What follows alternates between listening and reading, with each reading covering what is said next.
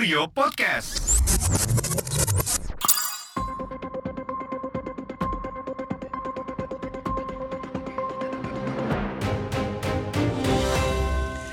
Balik lagi di podcast Rangkum bareng gue Ipang. Hari ini gue sendiri lagi nggak ditemani tim editorial Kurio. Dan kali ini gue juga bakal ngobrol lagi sama Aji Imawan. Halo teman-teman Kurio. Nah, eh, teman-teman Kurio, kalau teman-teman Kurio ngikutin berita kemarin kan ada berita yang apa eh, sedang trending. Salah satu di antaranya itu tentang pembubaran 18 lembaga negara tuh. Salah satunya kalau gue sebut ini ada tim transparansi industri ekstraktif, ada Badan Koordinasi Nasional Penyuluhan Pertanian Perikanan Kehutanan, ada tim nasional pengelolaan ekosistem mangrove dan masih banyak lagi. Teman-teman nanti bisa baca beritanya di eh, aplikasi Kurio. Nah, kali ini gue eh, sama Aji mau tanya-tanya mengenai apa namanya eh, efektivitas pembubaran 18 lembaga negara ini. Karena setahu gue Pak Jokowi ini sudah beberapa kali ya kalau nggak salah ya untuk membubarkan lem- 18 lem- apa membubarkan eh, lembaga-lembaga negara yang apa namanya biar bisa efektif atau biar bisa ramping atau gue nggak tahu Nah, betul. ya. Nah, tapi nanti akan ngobrol-ngobrol seputar itu sama Aji. Nah, kalau dari lu sendiri, Ji, Hmm. tanggapan mengenai pembubaran ini seperti apa sih sebenarnya? Iya, eh, sebenarnya niatnya bagus Hmm. karena memang ini kan di era Covid gitu ya. Hmm. Dan kita memang banyak kebocoran anggaran, bahkan ada beberapa anggaran tidak turun. Hmm. Dan memang niatnya Pak Presiden itu selain efektivitas organisasi, Hmm. juga efekti, eh, efektivitas efisiensi anggaran. Hmm. Jadi banyak organisasi yang tidak sesuai dengan apa yang kita hadapi sekarang. Hmm. Dan eh, Pak Presiden menganggap itu sudah dihandle eh, beberapa organisasi juga yang sudah dibentuk. Hmm. Misalnya soal ASEAN itu sudah ada sekretariat ASEAN. Hmm. Jadi tidak perlu lagi ada tim khusus ASEAN yang Hmm. dibentuk di tahun 2015 gitu ya. Hmm. Sebenarnya bagus secara struktural ada efisiensi. Tetapi kan eh, kalau kita bicara soal bernegara, pemerintahan itu tidak ngomong tidak cuma ngomong struktur. Hmm. Ibaratnya kalau strukturnya dikecilkan tetapi nambah orang di, di kementerian atau urusannya dipindah dan nambah orang di situ Hmm. sama aja. Kita kan berbicara tentang tidak hanya struktur sebagai organisasi ada line chart, Hmm. posisi direktur gitu-gitu ya. Tetapi kan orangnya juga. Hmm. Nah, ketika dibubarkan, oke lembaga bubar dan itu memang secara aturan tuh bisa, regulasi bisa. Hmm. Karena setauku perpres ya, Perpres Perpres eh, 82 82 Ya, tahun 2020. 82, ya. Hmm. Bisa, memang bisa. Tetapi kan terus orang itu kan dan urusan itu tidak bisa dibubarkan seperti itu. Hmm. Itu yang aku maksud dengan fungsional. Hmm. Jadi di dalam pemerintah itu ada struktural, ada fungsional. Hmm. Ketika struktural itu bubar dan mudah sebenarnya kita bikin kelompok bubar itu selesai bisa. Hmm. Tetapi kan kelompok itu punya ADART, sistem SDM, gitu-gitu Hmm. urusan tupoksi katakanlah. Hmm. Nah, itu nggak bisa bisa bubar.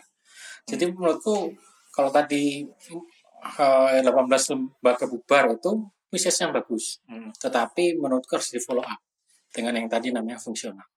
Hmm.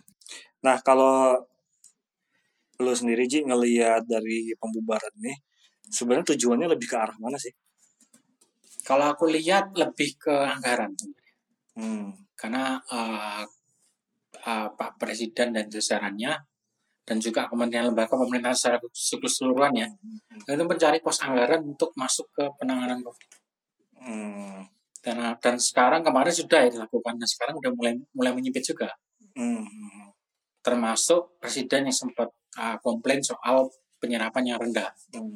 akhirnya dia this proses saja Hmm. yang tidak uh, yang bisa dilakukan dengan pembubaran dialihkan anggarannya Hmm. Tapi aku nggak yakin deh kalau misalnya um, anggarannya dialihkan terus organisasi itu Hmm. efektif secara organisasi seramping Hmm. terus menjadi urusan itu menjadi lebih mudah enggak Hmm. bahkan mungkin lebih ribet bisa ya.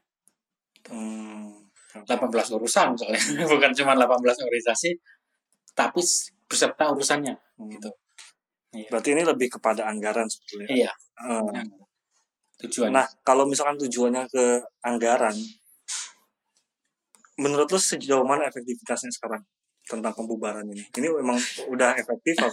iya eh, sayangnya 18 lembaga itu kan Hmm. quote on quote kalau publik lihat nggak penting sebenarnya ya. Hmm. Itu lembaga-lembaga yang sebenarnya uangnya juga mohon maaf uh, tidak terlalu banyak. Hmm. Sektornya nggak strategis gitu. Hmm. Respon terhadap dunia luar pasar juga nggak terlalu banyak. Hmm. Jadi kalau Pak Presiden dan jajaran mengharapkan anggaran ini menutupi krisis COVID, terutama untuk membuat pembangkitan ekonomi nasional itu kan ada di perpresnya tuh. Hmm. Tujuannya untuk mengangkat ekonomi nasional dengan pembubaran lalu anggarannya masuk ke penanganan COVID Hmm. nah, di ekonomi khususnya. Hmm. Nah itu kalau sedikit juga nggak nggak ada efeknya, gitu. Nggak bisa menutupi misalnya anggaran kementerian lembaga yang macet itu.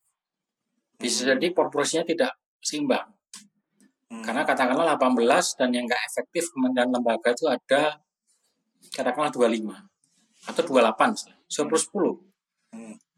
Ah, sorry, ah, kurang 10. Hmm. Jadi 10 ini ditutupi lagi nanti dengan Jadi kalau ya istilahnya orang ya, orang eh, melakukan apa namanya sirkulasi keuangan itu tambal sulam kayak Hmm. Hmm. Hmm. gali lubang atau lubang seperti itu. Hmm. Hmm. Ini ada lubang yang besar, akhirnya carikan galian yang lain, tapi kan bisa menimbulkan lubang yang lain. Hmm. Bisa jadi lubangnya itu masih berlubang dan harus ditutupi lagi, dan harus cari lagi. Seperti itu. Hmm. Gitu, Mas. Jadi em, nggak bel- masih masih gambling sebenarnya. Hmm. Aku pikir juga ini upaya sih, upaya dari Pak Presiden dan jajarannya untuk efektivitas anggaran. Tetapi harus dievaluasi nantinya. Harus Ya, dievaluasi. harus lagi. dievaluasi. Nah tadi lu sempat eh, menyinggung mengenai lembaga-lembaga atau komite-komite yang dibubarkan itu sebenarnya komite-komite receh atau lembaga Iya, receh. iya. Itu gimana menurut lu, Ji?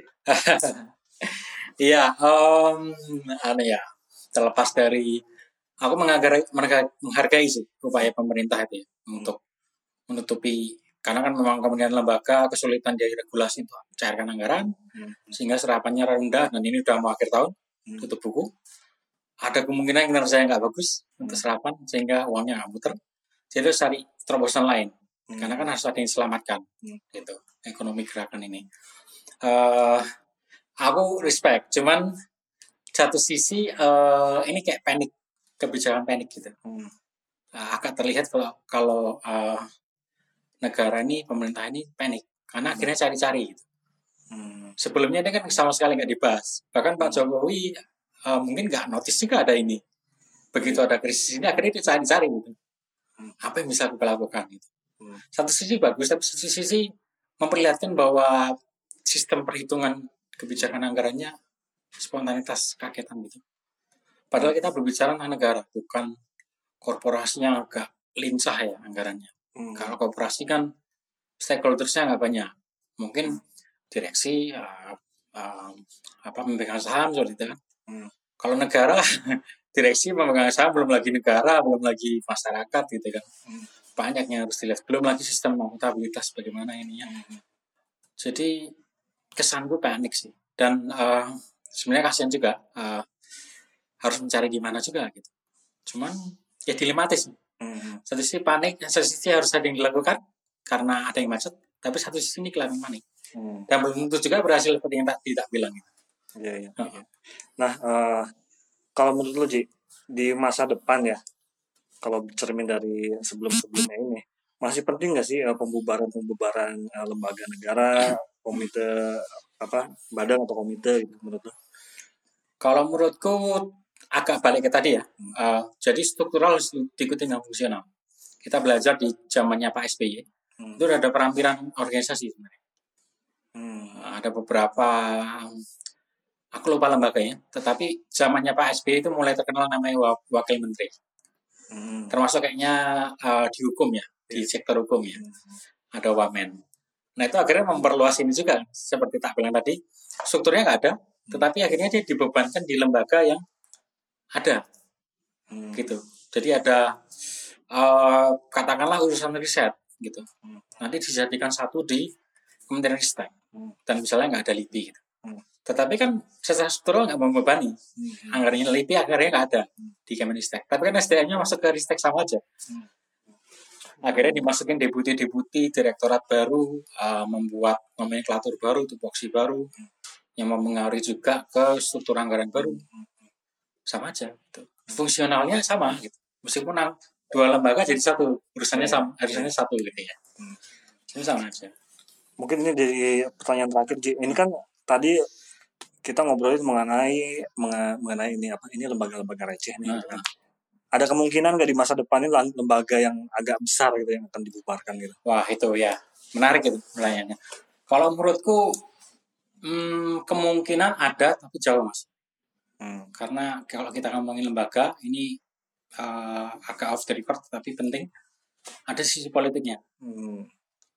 ya mungkin kalau 18 lembaga jangankan yang besar yang kecil 18 ini Hmm. belum tentu politiknya juga lancar Hmm. karena kan orang-orang ini juga memper- akan mempertahankan posisinya Hmm. dengan cara apa pun entah dia pindah ke kementerian atau apa dia kan tetap membebani anggaran Iya. dengan posisi dia sebagai uh, partai negara gitu dengan dia gaji tunjangan dan sebagainya Em, nah aku nggak yakin secara meskipun secara administrasi publik mungkin banget presiden dengan perpres bisa das bubar Hmm. tetapi secara politiknya masalah bahkan yang untuk yang ini pun kita harus lihat nih ke depannya gimana uh, 18 lembaga ini Hmm. selain efektivitas anggaran efektivitas struktur Hmm. yang itu sudah dilakukan ya anggaran masih harus dilihat dan politiknya Hmm. bagaimana nanti ya drama-drama dan. Apa ya em, ada yang tidak terima proses hukum dan sebagainya itu harus dilihat juga itu menjadi tantangan Oke, thank you ya Mas Haji. ya Kapan-kapan kita ngobrol lagi. ya terima kasih Thank you teman-teman Kurio. Ketemu lagi di rangkum episode selanjutnya. thank you teman-teman Kurio